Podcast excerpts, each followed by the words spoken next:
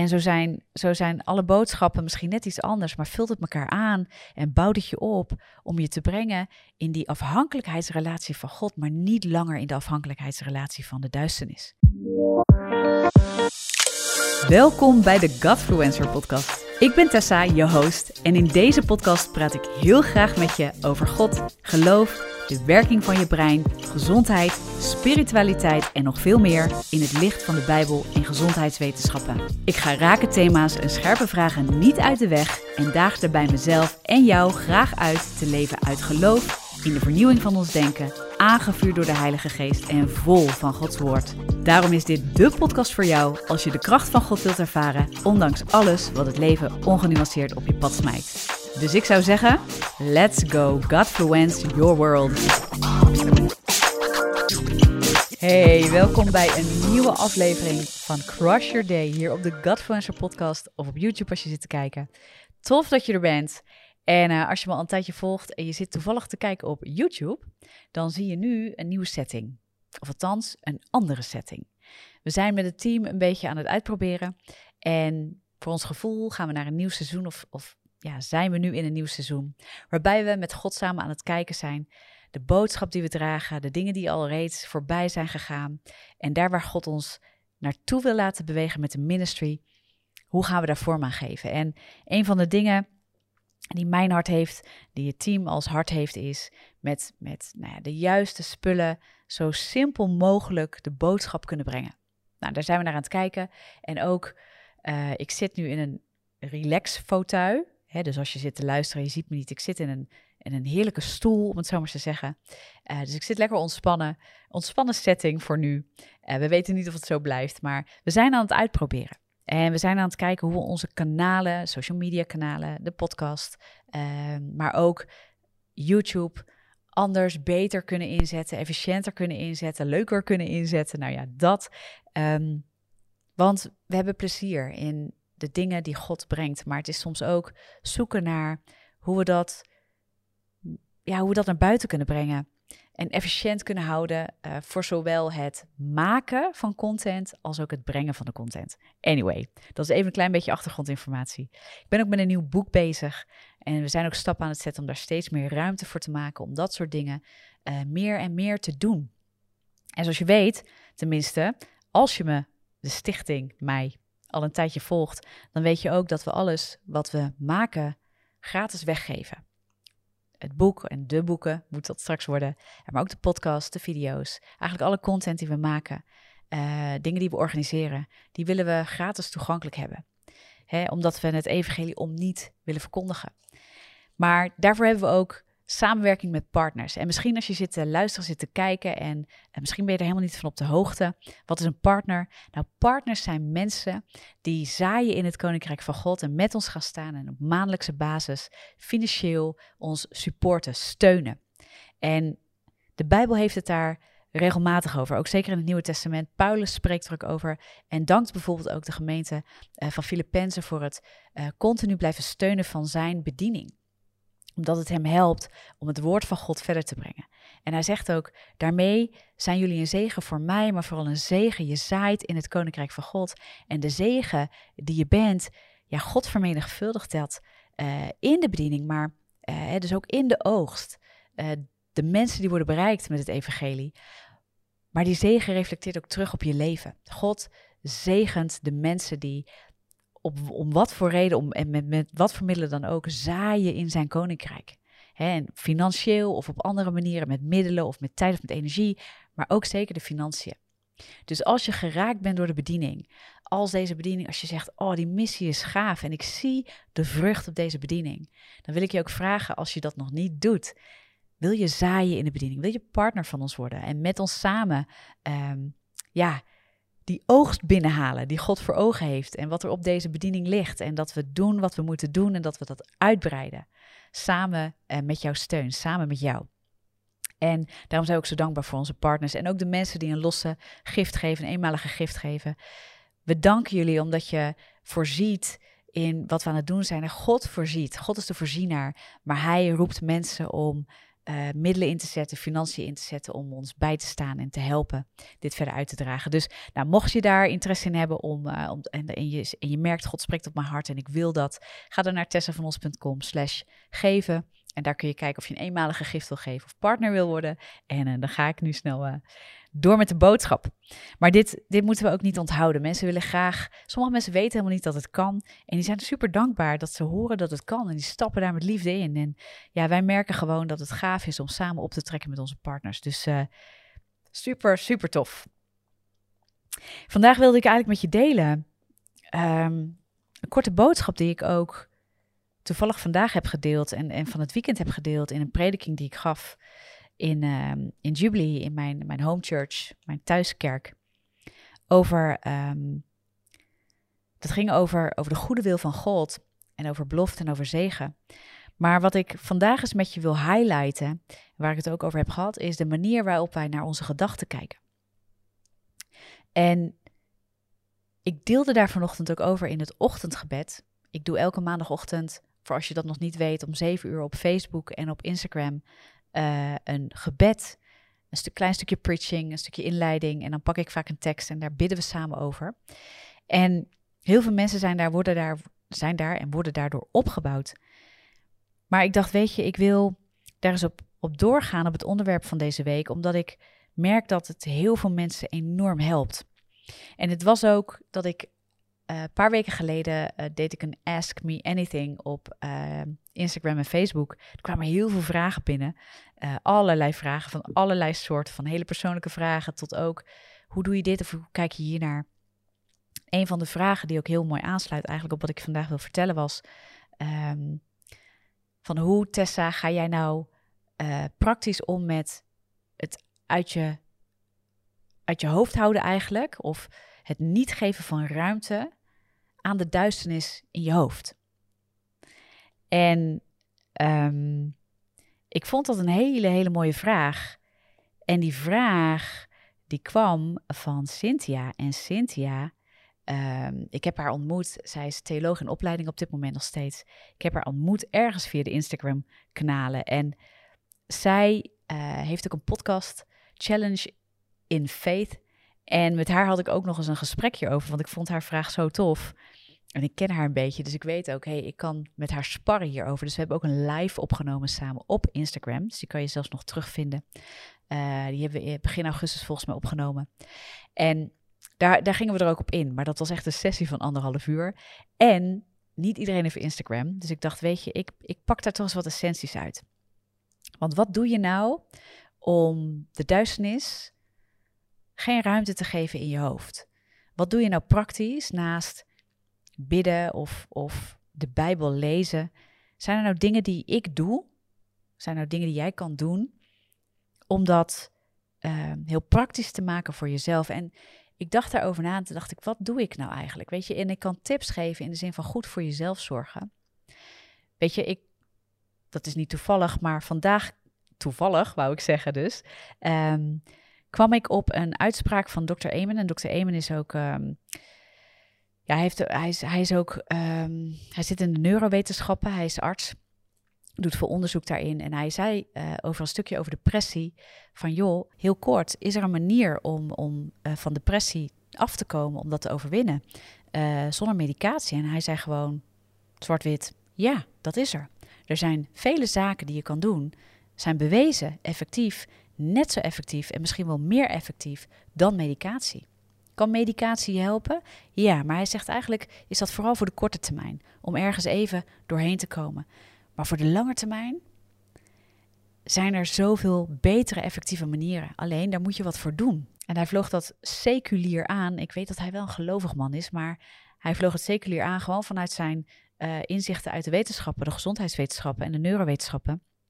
Hij zei: Weet je dat het aanvechten van je negatieve gedachten, door die niet aan te nemen, ANTS noemt hij dat. En ANTS in het Engels is, het staat voor mieren. Het is een afkorting, A-N-T-S.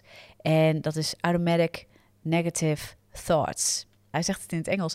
Maar je moet je, je mieren bestrijden als je het echt in het Nederlands vertaalt. Maar wat hij uitlegde is, de gedachten die je hebt en hij zei letterlijk de onzingedachten die je ook hebt, heel veel stomme gedachten die je hebt, irritante gedachten, slechte gedachten, rotgedachten, negatieve gedachten, al die dingen die jou afbreken, moet je gaan beseffen dat je die niet hoeft aan te nemen en dat je die kan weerleggen. Hij ging daar verder niet op in hoe je dat dan exact doet. Maar voor mij was het gelijk een trigger. En hij zei dat is ook gewoon aangetoond, wetenschappelijk aangetoond, dat het helpt dat als je negatieve gedachten, even samengevat als negatieve gedachten, zoals hij dat bracht, dat je die weer legt. Dat je die niet aanneemt als zijnde jouw identiteit. En het woord van God leert ons dat ook. En ik wil eens met je gaan naar ehm, twee teksten die ik vanochtend ook deelde. Uit het Oude en het Nieuwe Testament, die elkaar ook heel erg aanvullen. En het eerste is uit het Oude Testament, is Jesaja 54, vers 17. En daar staat het volgende. Elke wapentuig, elke wapentuig dat tegen u wordt vervaardigd, zal niets uitrichten. En elke tong die in het gericht tegen u opstaat, zult u schuldig verklaren. Dit is het erfelijk bezit van de dienaren van de Heere, en hun gerechtigheid is uit mij, spreekt de Heere. En ik deelde ook vanochtend dat ik regelmatig hoorde dat als we door een storm gaan of als we strijd ervaren of nou noem het op, dat we, ik hoor vaak de uitspraak, en weet, elk wapentuig, elk wapen wat tegen je gesmeed is, dat zal niks tegen je uitrichten. En dat is krachtig. Dat is een krachtig woord. Maar mij greep het tweede deel aan. En elke tong die in het gericht tegen u opstaat, zult u schuldig verklaren. En dat is een opdracht aan jou en mij. Dus als je hem vertaalt persoonlijk, elke tong die in het gericht tegen mij opstaat, die zal ik schuldig verklaren. En nu ga ik met je, want dan zou je denken, ja, maar het Oude Testament, het gaat misschien over het volk van Israël en over werkelijke oorlog en het gaat over wapens. Maar nu ga ik je meenemen naar het Nieuwe Testament, naar Korinthe, 2 Korinthe 10, vers 4 en 5. En ik noem hem vaker. Ik spreek er heel vaak over en het heeft ook met de vernieuwing van je denken te maken. Maar dit is wat ik doe. En deze tekst uit het Oude Testament, uit Jezaja, geeft zoveel extra kracht eraan, omdat het, ik denk, ja, dit is zo krachtig voor wat het zegt namelijk. Even 2 Korinthe 10 erbij pakken. Ik wil je gelijk uitnodigen als je een Bijbel bij de hand hebt of je telefoon, zoek hem gelijk op, lees hem met me mee. Want er staat het volgende, de wapens van onze strijd, kijk hier gaat het dus weer over wapens. De wapens van onze strijd zijn immers niet vleeselijk, maar krachtig door God tot afbraak van bolwerken. Want wij breken valse redeneringen af en elke hoogte die zich verheft tegen de kennis van God. Dus dan kom je op datzelfde punt. Zaken, kennis, of elke hoogte die zich verheft tegen de kennis van God. En wij nemen elke gedachte gevangen om die te brengen tot gehoorzaamheid aan Christus. Wat dokter Eamon zegt, weet je, je moet niet alles aannemen wat je denkt. Het zijn zelfs hele stomme, irritante gedachten. En het is helemaal niet. Je denkt ze misschien, maar je hoeft ze niet aan te nemen als zijnde dat ze van jou zijn. Jij hoeft daar niet naar te luisteren. Jij hoeft je daardoor niet te laten dicteren. Dat is heel seculier uitgelegd. Hè? Dat is nog niet eens christelijk uitgelegd, bij wijze van. Maar de grond ligt in het woord van God. En het is zo krachtig als je dat, als je dat pakt, dat jij op grond van het woord van God, dat, dat Paulus ons leert in Korinthe. Weet je, onze strijd is niet vleeselijk, maar is geestelijk. Dat, dat zit in je denken. Je moet bolwerken afbreken, neerhalen, valse redeneringen, overtuigingen, gedachten die binnenkomen die niet op de liefde en de waarheid van God zijn gebaseerd, die hoef jij niet aan te nemen. Sterker nog, zegt Paulus, je moet gedachten, elke gedachte, gevangen nemen en die brengen onder de gehoorzaamheid Christus. En elke gedachte die dat niet is, die moet je dus niet aannemen. En sterker nog, dan kom ik terug op dat stuk van Jezaja.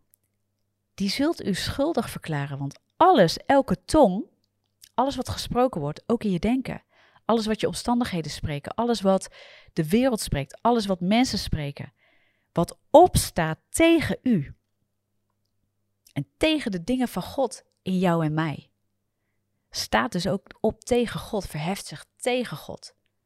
En die zul je schuldig verklaren. Die neem je gevangen en daarvan zeg je, jij bent niet uit God, je bent niet in God, je hoort niet bij mij, want ik ben een nieuwe schepping. Ik ben meer dan overwinnaar in Christus. En deze gedachten hebben geen deel meer in mijn leven. Ik neem geen deel meer aan deze gedachten. En daarmee bedoel ik niet dat je dingen overschreeuwt, maar dat je wel beseft waar dit ook vandaan komt. Soms is het goed te onderzoeken waar het vandaan komt, oké? Zodat je dingen op de juiste wijze kan verwerken.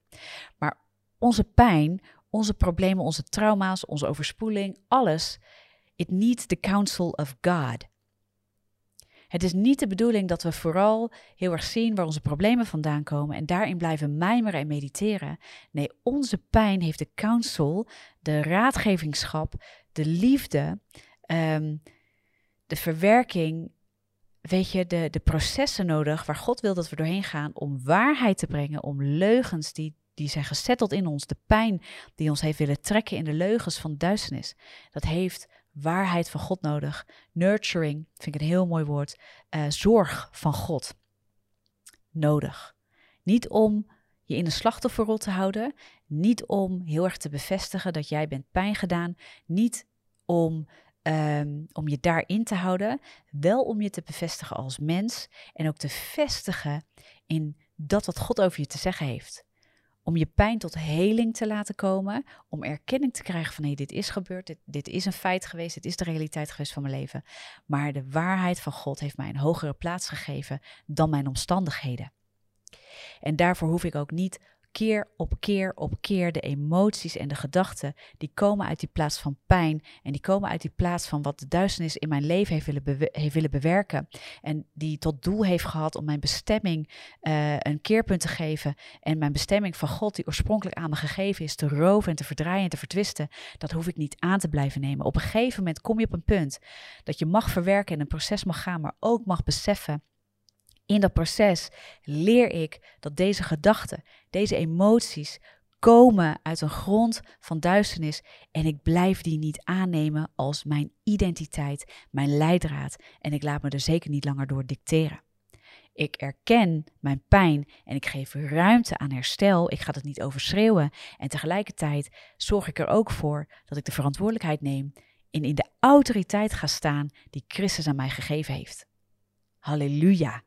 En dat, dat is zo'n sterk woord die we meer moeten horen. En ik geloof dat, dat we soms meer mogen opstaan. Niet soms, misschien gewoon, we moeten opstaan in de waarheid, de liefde van God. Om weerstand te bieden aan dat wat de duisternis heeft willen bewerken in ons leven. En wat hij elke dag wil bewerken in ons leven. Want je kunt met Jezus lopen, maar daardoor wordt de strijd niet altijd minder. Weet je, en dit is niet om alle problemen buiten jezelf te leggen en de duisternis heel erg de schuld te kunnen geven en alles eh, als een soort dat jij continu een slachtoffer bent van de duisternis. Nee, want Christus, God, heeft ons autoriteit gegeven, dus wij moeten opstaan. Jezaja zegt ook niet voor niks en geeft ook niet voor niks de tools bij ons in handen, dat en elke tong die in het gericht tegen jou en mij opstaat, die zul jij schuldig verklaren. En Korinthe zegt, Paulus zegt, wij nemen elke gedachte gevangen om die te brengen tot de gehoorzaamheid aan Christus. God doet dat niet. Dus we kunnen soms in een soort verwijtende rol blijven zitten waarbij we slachtoffer blijven van de duisternis. Maar in Christus ben je meer dan overwinnaar. En God zegt, je bent een nieuwe schepping. Je bent geen slachtoffer meer van, van je zondige natuur, maar je moet wel dat ding kruisigen is je vleeskruisige die wil opstaan tegen de dingen van God. En je moet erkennen wat je vijand is. En jij moet dat schuldig verklaren en ervoor kiezen daar niet meer mee te gaan. En je mag je dan vervolgens bekrachtigd weten, gezegend weten, door de geest van God. Die jouw trooster is, die je helper is, maar die ook de geest van de waarheid is en die je leidt in de volle waarheid. En de waarheid zet vrij. Je blijft dan niet onder het juk van de duisternis. En daar heb je zelf een positie in, in te nemen. En dat wilde ik gewoon tot je spreken, ook via deze weg. En zo zijn, zo zijn alle boodschappen misschien net iets anders, maar vult het elkaar aan en bouwt het je op om je te brengen in die afhankelijkheidsrelatie van God, maar niet langer in de afhankelijkheidsrelatie van de duisternis. Jij bent geen slachtoffer. Ja, je mag je pijn erkennen. Ja, dat is, dat, dat, weet je, dat hoeft niet overschreeuwd te worden. Dat moet je niet wegduwen. Ja, je mag hulp zoeken. Ja, je mag counseling hebben. Ja, andere mensen kunnen jou helpen. Psychologen, therapeuten. Um, discipelschap is absoluut een manier om je in waarheid te trainen en de dingen van de duisternis steeds verder uit je leven te bannen. Je denken te vernieuwen, zoals Romeinen 12, vers 2 zegt. En daar hebben we elkaar voor nodig. En therapeuten met hun kennis van hoe dingen werken, kunnen jou helpen. Soms doen we alsof dat te min is voor ons als gelovigen. Dat is het niet. We hebben dat nodig. De Bijbel leert ons ook elkaar te helpen en bij te staan. En de kennis die er is in dat soort um, therapieën bijvoorbeeld, en je moet opletten waar de bron van de therapie soms ligt misschien. Het tegenwoordig worden heel veel gezondheidszaken, heel veel therapieën en, en allerlei remedies worden heel erg gemixt met bepaalde spirituele opvattingen die niet uit Christus zijn. dus waar, twee, uh, waar Colossense 2 vers 8 ons wel voor waarschuwt. Dus let op de bron van dingen, maar heel veel um, psychosomatiek en psychotherapie uh, kan een hele goede basis hebben en kan heel gezond zijn om gewoon eens te werken met hoe de dingen van trauma's werken, hoe problemen bij jou tot stand zijn gekomen en dat je daar zicht op krijgt, dat je bewust wordt van dingen en dat je daar mee kan werken en dat je ook verwerkt. Dat je dingen niet overschreeuwt, maar dat je eerlijk bent met jezelf en dat je iemand mee laat kijken in je leven en dat je het alleen al gewoon eens een keer op tafel hebt gelegd wat er is gebeurd en waar je doorheen bent gegaan, waar de pijn zit en dat je dat kan afleggen. Dat je daar doorheen kan. Dus ik ben een voorstander van als er echt trauma is en je hebt echt counseling nodig, dat je dat ook pakt. En het mooie is als je dat met christelijke mensen doet. Maar zoek God daarvoor. God wil daarin spreken als je dat nodig hebt. God wil je leiding geven en wijsheid. Dus dat wou ik erbij zeggen. Maar bovenal, het woord van God, de geest van God, wil je leiden in volledige waarheid. Maar de geest van God, Christus, weet je, hij is de voleinde van ons geloof, maar het woord zegt ook al in het Oude Testament: Hij is de geneesheer. Hij is de troost, hij is de geneesheer. Hij is de voleinde van ons geloof. Hij is onze rots. Op hem bouw je en zijn waarheid zet vrij. En hij is de persoon van de waarheid. Jezus is de weg, de waarheid en het leven. En hij kwam om leven te brengen en dat in overvloed. Daarentegen waar de duivel komt om te vernietigen, te roven en te stelen. Dus het is zaak voor ons om daar niet nonchalant in te zijn, niet lauw in te worden en ook te gaan zeggen: Weet je waar die gedachte ook vandaan komt? Of dat nou al jaren als een patroon in mijn leven geïdentificeerd is met mij geweest, waardoor ik denk dat ik het ben die dat denkt. En jij denkt het wel, maar jouw denken zegt niks over wat waar is. Jouw denken zegt in eerste instantie iets over wat jij denkt, wat jij gelooft. Dus je mag het onderzoeken. En hoe meer je vernieuwd wordt in je denken, hoe meer je denken zal in lijn zijn met waarheid en liefde van God. Dus we moeten daarin getraind worden. Onze nieuwe mens is gegeven. We zijn gerechtvaardigd en geheiligd in Christus. Maar de vruchten van de geest, die moeten we op laten komen door daarin te wandelen, door daarin actief te zijn. Door dat actief en concreet te maken in ons leven. En dan zul je daar ook, de vrucht zul je dan ook voelen in je lijf, in je, je leven, mentaal, geestelijk. Dat is wat God voor ons heeft, dat is wat ik geloof. Daar wilde ik je mee bemoedigen vandaag. En um, ja, zo wil ik weer afleveringen gaan maken. En misschien in deze setting, misschien in een andere setting, misschien op allerlei verschillende manieren. Maar altijd om je op te bouwen in geest en kracht. Altijd om je te brengen aan het hart van God. Dat het je kan transformeren, dat het je helpt je denken te vernieuwen. Dat het je helpt om de leugens in je leven te ontmaskeren en neer te halen. Bolwerken neer te halen. En um, te wandelen in de dingen van God. Om in bestemming te komen met Hem. En je bent in bestemming als je met Hem wandelt, maar vanuit die bestemming heb je ook een roeping waar je in kunt wandelen in dit leven. Er is een plan voor jou van God. En Hij wil in dat plan allerlei mooie dingen uitwerken. Zodat het koninkrijk van Hem wordt gevestigd in en door jouw leven heen. En ook jij mensen bereikt uh, voor Hem. Hoe je dat ook doet. Waar je ook geplaatst bent. Wat je ook mag doen.